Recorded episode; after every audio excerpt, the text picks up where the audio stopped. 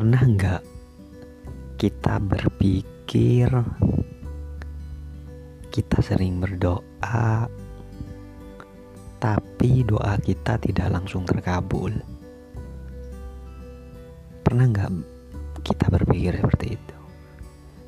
Sebenarnya Allah tidak langsung mengabulkan doamu itu karena dia ingin melihat kadar kesabaranmu dan kadar keimananmu.